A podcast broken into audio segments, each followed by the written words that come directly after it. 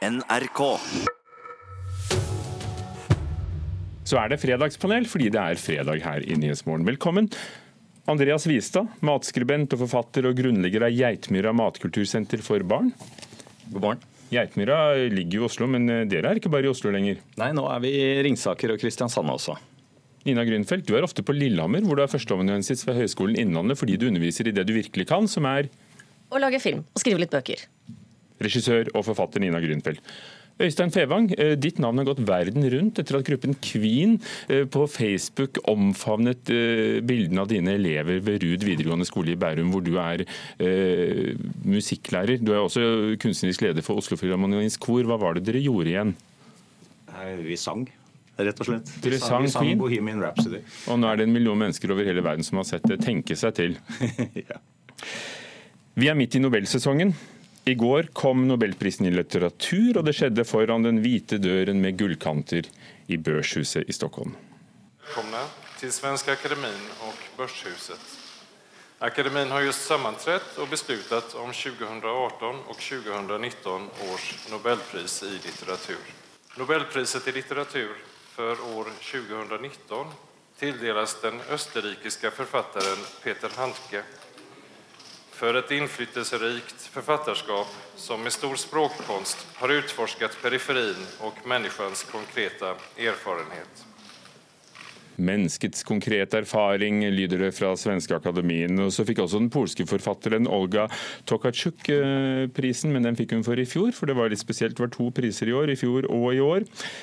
Mange husker nok debatten etter at Hanke fikk eh, den internasjonale Ibsen-prisen i 2014. Han er eh, kjent for å ha holdt tale i den serbiske krigsforbryteren Slobodan Milosevic's begravelse. Spørsmålet er ganske enkelt. Er det klokt å gi Hanke nobelprisen, Øystein Fevang? Vi begynner med et ja eller nei. Det er første gang du er her. Så. ja. Nei. Ja, nei. Svaret er eh, nei. Kanskje ikke klokt. Nina Grünfeldt. Nei. Andreas Wiestad? Ja. Klokt sett fra hvilken side? Altså, eh, klokt er kanskje ikke ordet jeg ville valgt, eh, men eh, smart, da. Altså, du har en ganske sånn eh, moralsk korrupt komité som skal gjøre comeback. Og hvis de hadde gitt det til en forfatter som Margaret Atwood, så ville hun antageligvis protestert. Hun ville sagt jeg vil ikke ha denne prisen av denne komiteen, men ved å gi det til en en forfatter som alle mener er god nok, men som er veldig veldig kontroversiell, så får de masse problemer. Masse problemer ville de fått uansett, men de får problemer som er innenfor det, på en måte, det litterære. Og Det handler da om skillet mellom Hanke som forfatter og Hanke som eh, bestekompis til Slobodan Milosevic. Og Det er en diskusjon som de kan tåle bedre enn den hvis de hadde gitt den til Margaret Atwood. For Og den tenk om hun takket nei. Altså, Hanke sa jo for fem år siden i 2014 at han ikke ville hatt en nobelpris. Han mente at nobelprisen var en dårlig idé fordi at den kanoniserte forfatterne urettmessig. Eh, Det leste jeg i går på nettet i Østgjøta Allahanda, eller et- en av disse store svenske avisene. Så jeg tenker at eh, i så måte så er det kanskje ikke så lurt. Nå har han riktignok endret mening. Eh, Det reduserer jo ytterligere hans troverdighet i denne sammenhengen, tenker jeg da. Men og skulle de først nå velge å gi den til Hanke i denne omgang, så ville kanskje vært litt klokere å gi den for 2018 enn 2019. Så kunne man jo sagt at ja, men det er noe som allerede har skjedd. Eh, nei, jeg syns kanskje at eh, eh, i denne sammenhengen, med alt det rotet som har vært, så kunne man ha tenkt litt klokere. Øystein Fevang, det er jo, altså Dette akademiet skal jo liksom komme seg på fote igjen da, etter et trøblete år med skandaler og, og intern maktkamp. og De blir jo faktisk eh, holdt i hånden av en ekstern komité valgt av Nobelstiftelsen. Sånn sett så kan det jo være lurt, som det blir sagt her. sånn. Jeg tenker jo For, for Hanke så, så er jo dette en anledning for han, da, hvis han vil, til å eh, Han får jo ni millioner kroner. Han kan kanskje bruke de pengene på eh, ja, kanskje han kan eh, gi dem, eller bruke anledningen til å be om unnskyldning hvis han skulle finne på det. Jeg tviler på det, men eh, det er jo en anledning for han da. Det er jo ting som tyder på at han ikke er en sånn klassisk people person som er veldig opptatt av å please andre. Nei, Definitivt ikke.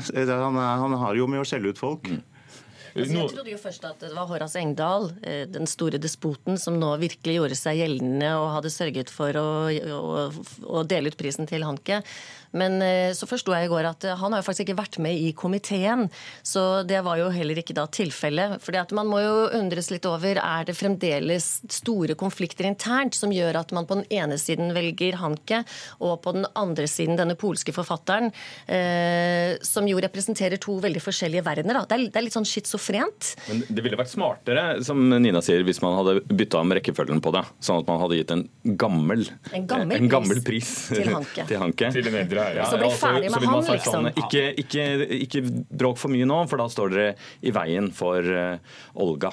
Men kombinasjonen, for dette vil jo bli sett sammen. Olga Tokarczuk, som er en, en uh, gudebenådet forteller, virker det som, fra Polen, uh, kommer til Norge neste uke. Så da kan vi alle snakke med henne, lese henne. Jeg tenker at det, det høres smart ut, fordi at de som har lest henne, som kanskje ikke er så mange, ikke meg, de sier at hun er, at hun er, veldig, at hun er veldig dyktig og at det er vel fortjent. og da blir jo liksom, Hvis man gjør for mye til å diskreditere hele prisen, så diskrediterer man også henne på et vis. Og henne ønsker man jo alt vel. Men hun er jo i hvert fall kvinne, og hun er under 70.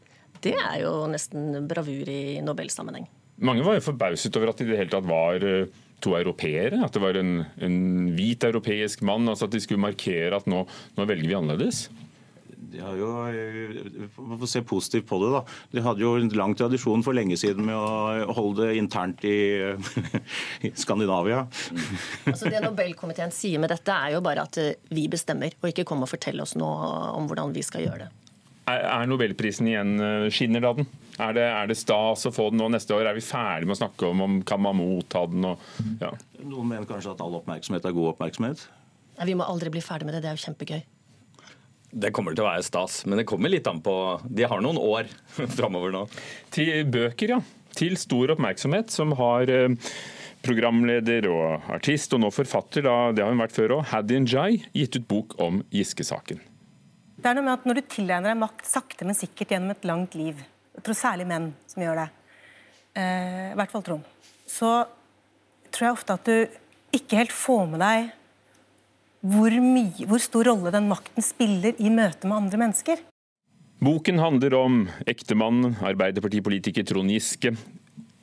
Tok eh, disse anklagene mot ham, og nå skriver f.eks. Aftenpostens kommentator Frank Rossevik varslerne overkjøres i boken. Bergens Tidende sier at boken flytter grenser for hva som kan stå på trykk uimotsagt. Er det nå på tide med et etisk regelverk for bøker? Nei. Nina Grønfeldt. Nei. Øystein Fevang. Nei. Er det fordi dere skriver bøker selv eller planlegger å skrive bøker at dere ikke vil ha noe sånt å å, å belemres ja. med. ja, men sånne bøker er jo kjempeproblematiske, enten det gjelder skurker som eh, kommer ut av fengsel og forteller sin historie, eller avgåtte politikere, eller i det tilfellet eh, tafserens kone som eh, forsvarer tafseren og sier det var bare småtafsing, og eh, det er egentlig de påtafsedes eh, skyld. Men han har dessuten sluttet. Ja, og han har dessuten sluttet. Men sånne type bøker gjør skikkelig vondt for de som sitter på andre siden. Men med en gang man gjør det til en juridisk ting, så henger man seg opp i detaljer som f.eks. som man har sett denne uka. Detaljene hvem har rettigheten til å gjengi tekstmeldingen som allerede er gjengitt et annet sted osv.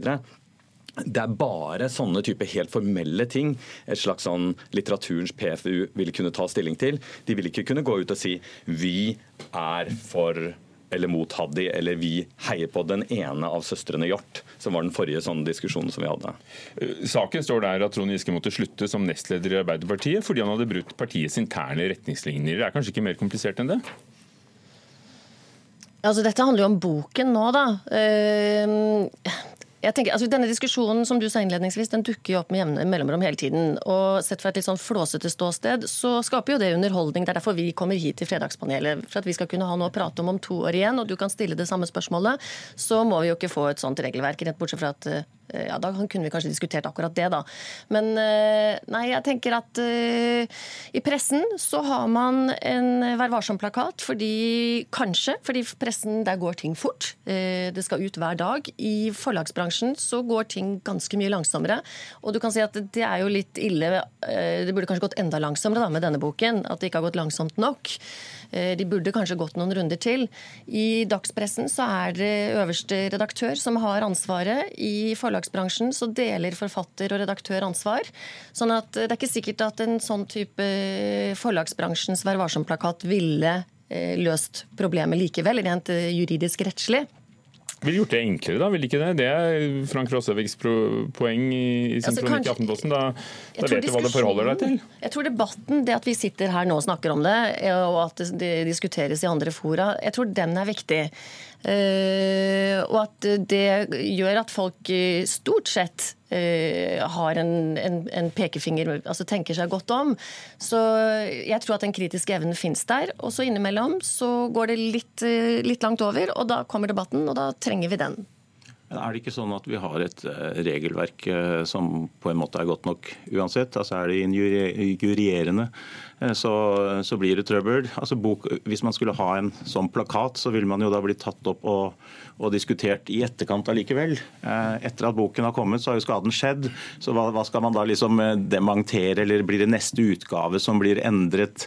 eller noe sånt. Altså det, da står det jo der allikevel. Og kanskje ville man blitt frikjent, ikke sant? selv ja. om det gjør skikkelig vondt for de på andre siden. Mens ja. nå får vi en diskusjon hvor, de, hvor det, den møter motstand og, og, og kritikk som virker legitim legitim. Og, og, og, det ville ikke løst med å ha hatt en komité som skulle komme med sin rapport om tre måneder. For dere dokumentarfilmskapere har det jo litt på samme måten. ikke sant? Det er jo heller ikke helt innenfor pressen du kan Nei, det er jo det samme regelverket, egentlig. Og altså, Noe av grunnen til PFUs eh, tilstedeværelse er vel bl.a. nettopp at man skal avlaste rettssystemet, sånn at ikke allting skulle havne der, for det blir altfor ressurskrevende.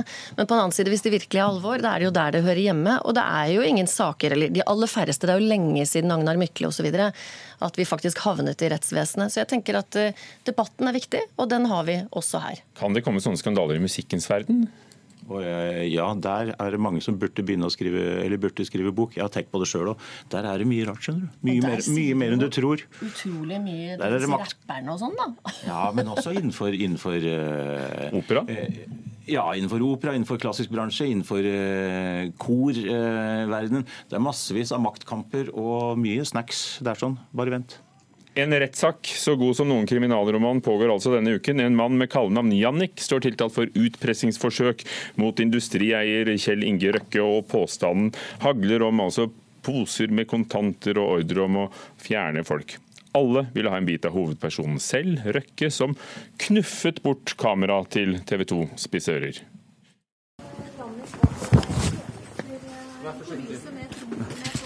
Hørte hva jeg sa. Vær forsiktig. Kan vi få litt space? På vei ut av Oslo tingrett, Kjell Inge Røkke puffer bort uh, kameralinsen som var rett oppi ham, og det var et kobbel, som det heter av mikrofoner og journalister. Er journalister for nærgående når kjentfolk møter i retten, Nina Grünfeldt? I dette tilfellet, nei. Øystein Fevang? Nei. Andreas Wiestad? Nei, selv om jeg mener at det rent fysisk her kanskje var litt nær oppe med kamera. Forstår du den? Ja, men jeg tenker jo at eh, Spørsmålet har to, to valører. Det ene er hvor mange centimeter skal kameraet være unna. Da tenker jeg at Der kunne de klart eh, noen flere centimeter. Men jeg syns at det stort sett er en ganske sånn høflig tone i forhold til hva var det du kalte han? Industriherren Kjell Inge? Jeg sa, her står det den, finansmann, står det i papiret her. Så det står ikke den korrupsjonsdømte Kjell Inge Røkke eller dokumentfalskeren Kjell Inge Røkke. Det er jo andre mennesker som har har akkurat samme bakgrunn som han, som ville blitt omtalt på en helt annen måte. Så, sånn sett så har han eh, kommet veldig pent eh, unna med det. Og han har i hvert fall veldig rare venner. Eh, det viser jo den, denne saken. Har dere fulgt med på, på saken? Holder dere tråden? Jeg prøver, og jeg ser jo at NRK prøver å oppsummere persongalleriet på nyhetssendingene. Eh, det er jo, som du sier, det er jo litt interessant hva slags eh, omgangskrets det her er snakk om. Og eh, hvem som snakker sant, det er jo det Man, man lurer jo litt på hvorfor noen vil snakke og noen sier ingen kommentar. I går så var det jo bare Jannik som ville uttale seg. Eh, det skjønner jeg jo godt. Han, eh, han, smiler og sier 'ha en god dag' og opptrer som alt annet enn det man forbinder med torpedo. Så han har jo litt å vinne på det. Men det er også kanskje noe med at eh, han, han uttaler seg fordi han, han, vil fremstå som noe annet. Da. Men hvor nær skal kameraet gå? Altså I denne sammenhengen så kan de gå så ultranær de bare vil. Dette er jo bare superfestlig. Altså Vi har en sak som setter hele denne famøse Exit-TV-serien til NRK i skammekroken. Eh, eh, det kan jo se ut som Røkke her ønsker å bli en del av sånne 'celebrities getting offended'. Hvis du går på YouTube, så finnes det massevis av filmer av kjendiser som blir sinna på journalister fordi de syns de får feil spørsmål. Og det her var jo bare en bitte liten vink. Det hadde jo vært festlig om man hadde hatt en liten springkniv, eh, som jo ifølge Jannik eh, blir kalt for tannpirker. da. Eh, nei, jeg håper det kommer litt mer. Jeg syns dette var kjempefestlig. Er vi for snille i ordene vi velger om finansmannen, eller Hva var det du Jeg sa finansmannen Kjell Inge Røkke, hva var det du sa? Det er tidligere straffedømte Kjell Inge Røkke, eller korrupsjonsdømte. Hvorfor velger vi de ordene vi gjør? Det, først, han er jo De er redde, alle er redde. kanskje, kanskje, ja. Alle er redde. Her sitter Filharmonien og er redd, programlederen og er redd, dokumentarskaperen. Nei, men altså, Er ikke alt dette her bare et kjempestort spill, da? Jeg, jeg syns det er helt utrolig festlig å bare få lov til å være tilskuer til en sånn absurditet. Dette her bekrefter jo hvorfor man jobber med dokumentar og ikke med fiksjon. Fordi virkeligheten overgår jo enhver fiksjon. Takk skal dere ha. Sa filmskaper Nina Grunfeldt. Øystein Fevang, dirigent for Oslo Filharmoniens kor, og Andreas Wiestad, matskribent og forfatter, og så mye mer. Takk for at dere utgjorde Fredagspanelet. NRK.